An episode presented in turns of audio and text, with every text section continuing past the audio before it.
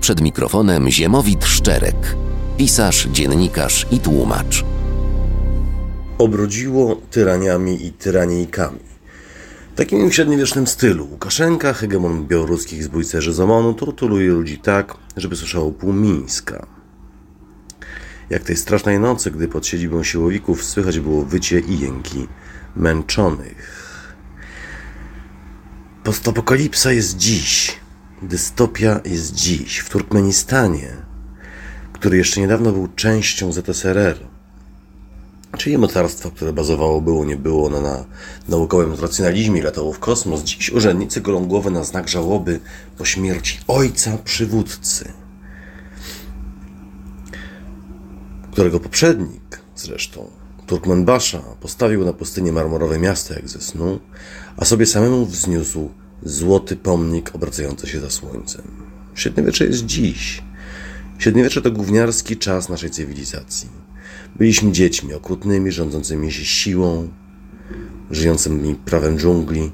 Zawsze próbowaliśmy wprowadzić jakiś porządek do tego chaosu. Jakieś prawo rzymskie, chrześcijaństwo, islam, oświecenie, karta praw człowieka i obywatela, ale ten chaos powracał często właśnie w formie tego porządku.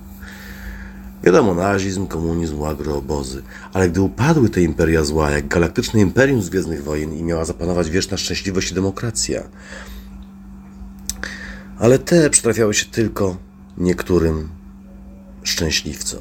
Większość planety nadal żyje w takich resztkówkach tych imperiów zła, jakim był na przykład nowy porządek po, po upadku Imperium Galaktycznego obalonego przez rodzinę Skywalkerów, Hanna Solo i rebeliantów w pomarańczowych uniformach. A średniowiecze jest tu naprawdę. Dyktator Korei Północnej rozstrzelał z armaty swojego wuja. W Iranie średniowieczni fundamentaliści religijni próbują budować bombę atomową. Przeszkadza w tym Izrael, państwo, które stosuje masową odpowiedzialność i za ataki ekstremistycznej partyzantki pogrzebało pod gruzami setki mieszkańców Gazy. A przecież z każdym z zabitych ludzi umiera wszechświat. W Uzbekistanie jednego z fundamentalistów religijnych służby państwowe ugotowały żywcem. W tymże Uzbekistanie, jak i w sąsiednim Kazachstanie, muzea poświęcone pierwszym prezydentom tych krajów przypominają rozbuchany kult jednostki z czasów Stalina. Brazylią rządzi foliarz, który nie wierzy w pandemię, mimo że ludzie padali jak mucha, nawet zachorował sam. Prezydent Rosji jedną ręką buduje sobie baśniowy pałac nad Morzem Czarnym, a drugą zleca trucie opozycjonistów, a jeśli truci nic nie daje, to wtrąca ich do lochu. Dobrze, że ich nie każe ślepać jak w średniowieczu, albo obcinać nos, jak to było w tradycji bizantyńskiej. Mimo technologii z XXI wieku nie za bardzo wiadomo, co się dzieje w Syrii, Somalii i, czy Libii, bo wizyta w wielu tych miejscach, w tych krajach to pewna śmierć.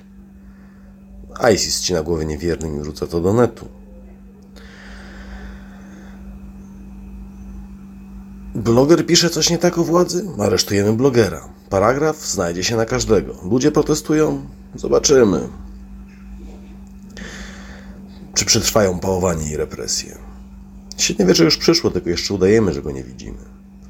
Chińczycy wprowadzają coraz bardziej wyrafinowane systemy śledzenia własnych obywateli.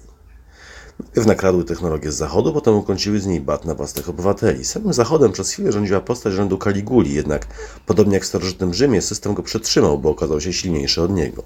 Ale na peryferiach zachodu dzieją się rzeczy coraz bardziej średniowieczne. Władze Polski, Węgier, Serbii itd. Tak zrobiły sobie z telewizji państwowych, instytucji będącej dorobkiem demokratycznej, prawo człowieczej cywilizacji, swoje propagandowe tuby, które bez żenady leją ekstrementy na nieprawomyślnych, a sztucznym miotkiem karmią idących w imię pańskie. Przejmują sobie demokratyczne instytucje, jak im się podoba. Na czele Ministerstwa Edukacji ustawili katolicką wersję irańskiego średniowiecznego fundamentalisty. Co prawda nie, nie próbuje budować atomu, ale uznaniowo wplątuje kościelne teorematy w naukowe teorie. Bo wróciła średniowieczna mentalność, nasze historyczne gówniarstwo. Ryszard Terlecki piekli się, że w demokratycznym kraju polityczka wygnana z kraju niedemokratycznego spotyka się z demokratyczną opozycją i każe jej uciekać do Rosji, kolejnego niedemokratycznego kraju. Szefowa Bielsatu, Agnieszka Romaszewska-Guzy z pozycji fotela w średniowieczny sposób oceniła postawę torturowanego przez Łukaszenkę Ramana Pratasewicza, który według niej zamął się sam. Kobieta, której nikt nie wyrywał paznokci, której nikt nie groził zemstą na bliskich, na którą żaden zbójcerz z OMON nawet się pałką nie zamachnął, ocenia człowieka, któremu skończono życie, wierząc ewidentnie w baśnie o ludziach, którzy nie dali się złamać. Cóż, jeżeli komuś jakimś cudem się udało, to widocznie nie łamano ich wystarczająco skutecznie, bo złamać można każdego. Nie mówię nawet już o grożeniu bliskim. Kto z nas poświęciłby rodzica, dziecko czy partnera w imię sprawy? Kto z nas myśli jeszcze w tak fanatyczny sposób?